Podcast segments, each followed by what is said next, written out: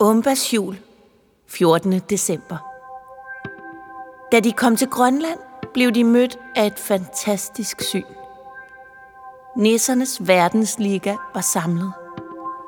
Der var nisser og nisseaspiranter, ligesom Umba, fra hele verden. En vidunderlig blanding af nisser og børn i alle farver fra alle tænkelige kulturer. De talte over 500 forskellige sprog. Jeg vidste slet ikke, at der fandtes så mange forskellige sprog, sagde Umba.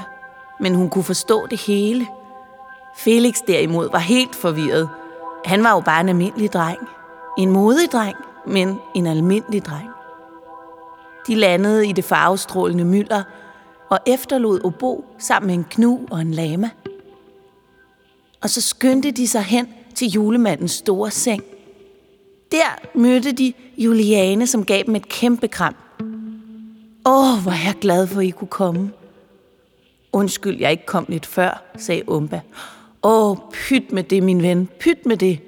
Du er her nu, og din nissehue stråler. Og se, Felix, hvad jeg har til dig. Juliane havde lavet en nissehue til Felix også. Er, er, er det, hvad jeg tror, det er? sagde Felix.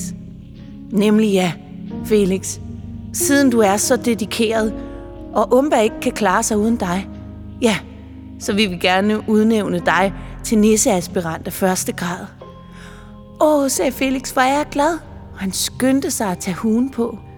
Umba kiggede på ham. Hun kunne se, hvordan alle indtrykkene overvældede ham. Hun kunne se, hvordan han lige pludselig kunne forstå de andre sprog. Som om han kunne se farverne tydeligere. Som om han kunne bevæge sig lidt lettere. Og Umba tænkte, at det var præcis sådan, hun havde haft det den allerførste dag. Men Felix var forberedt. Han havde lært om det at være nisseaspirant fra Umba, så han var ikke så famlende. Han glædede sig bare og sagde, jeg er sulten, jeg tryller mig lige lidt risengrød. Og så tænkte han intenst på risengrød, og foran ham stod der en stor skål havregrød. Åh ja, sagde Juliane, det kræver lidt øvelse. Og så tænkte han lidt hårdere og lidt bedre på risengrød. Og så fik han, hvad han ønskede sig. Mens de sad og spiste, fortalte Juliane dem, hvad der var sket. Hvordan julemanden pludselig var smuldret, og hun viste dem en skål, hvor resterne af julemanden, det hvide støv, lå. Og så sagde hun til dem, at hun havde indkaldt nissernes verdensliga for at hjælpe. Juliane så alvorligt på Umba og Felix. Jeg tror, det bedste værn mod de udfordringer, vi står overfor, det er at gøre, hvad vi nisser gør bedst. Sprede kærlighed og glæde.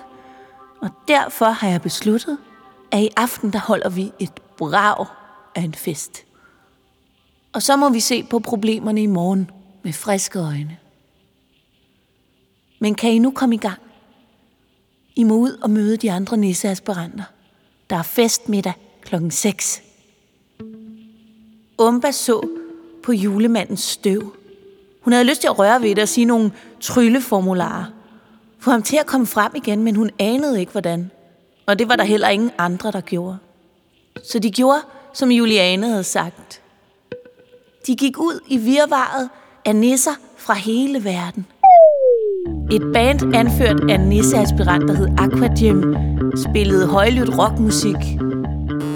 Der var en gruppe, der øvede sig på et folkedansernummer. Nogle trænede med rensdyrene og med obo og gnuen og lamaen. De planlagde vist et helt fantastisk luftnummer. Nogle stod for at bygge en stor hal i sne og is, med høje velvinger og isskulpturer. Andre lavede mad. Og det var ikke bare risengrød, selvom der naturligvis også var risengrød. Nej, der var retter fra hele verden. Det duftede eksotisk og anderledes. Så var der nogen, der pyntede op, lavede julepynt og dekorationer. Og aldrig har man set så stort et juletræ. Det var 20 meter højt og bredt som et hus og fyldt med tusindvis af lys. Og under det skulle alle pakkerne ligge. Der var pakker til alle de inviterede. Små, hjemmelavede ting. Personlige ting. Til hver enkelt med et lille navneskilt på. Hun så en, hvor der stod til aspirant Felix. Og Felix, han var så glad. Umbe og han, de løb rundt og hjalp, hvor de kunne. Og han tryllede med arme og ben, som om han aldrig havde lavet andet. Men midt i alle festforberedelserne skete der noget mærkeligt. Det var som om, at alt, hvad de havde rørt ved, begyndte at smuldre. Ligesom Umbas hue, dengang hun var blevet smittet med guldfeber. Juletræet smuldrede, gaverne smuldrede, maden smuldrede, den store ishal smuldrede. Nej, hvad nu det? Alle nisserne blev med et fuldstændig stille og kiggede op mod himlen, som blev sortlilla. Og ligesom Umba havde prøvet det en gang før, var det som om, at tingene begyndte at snurre rundt, og de mærkede alle sammen, hvordan de blev suget hen mod det sorte hul.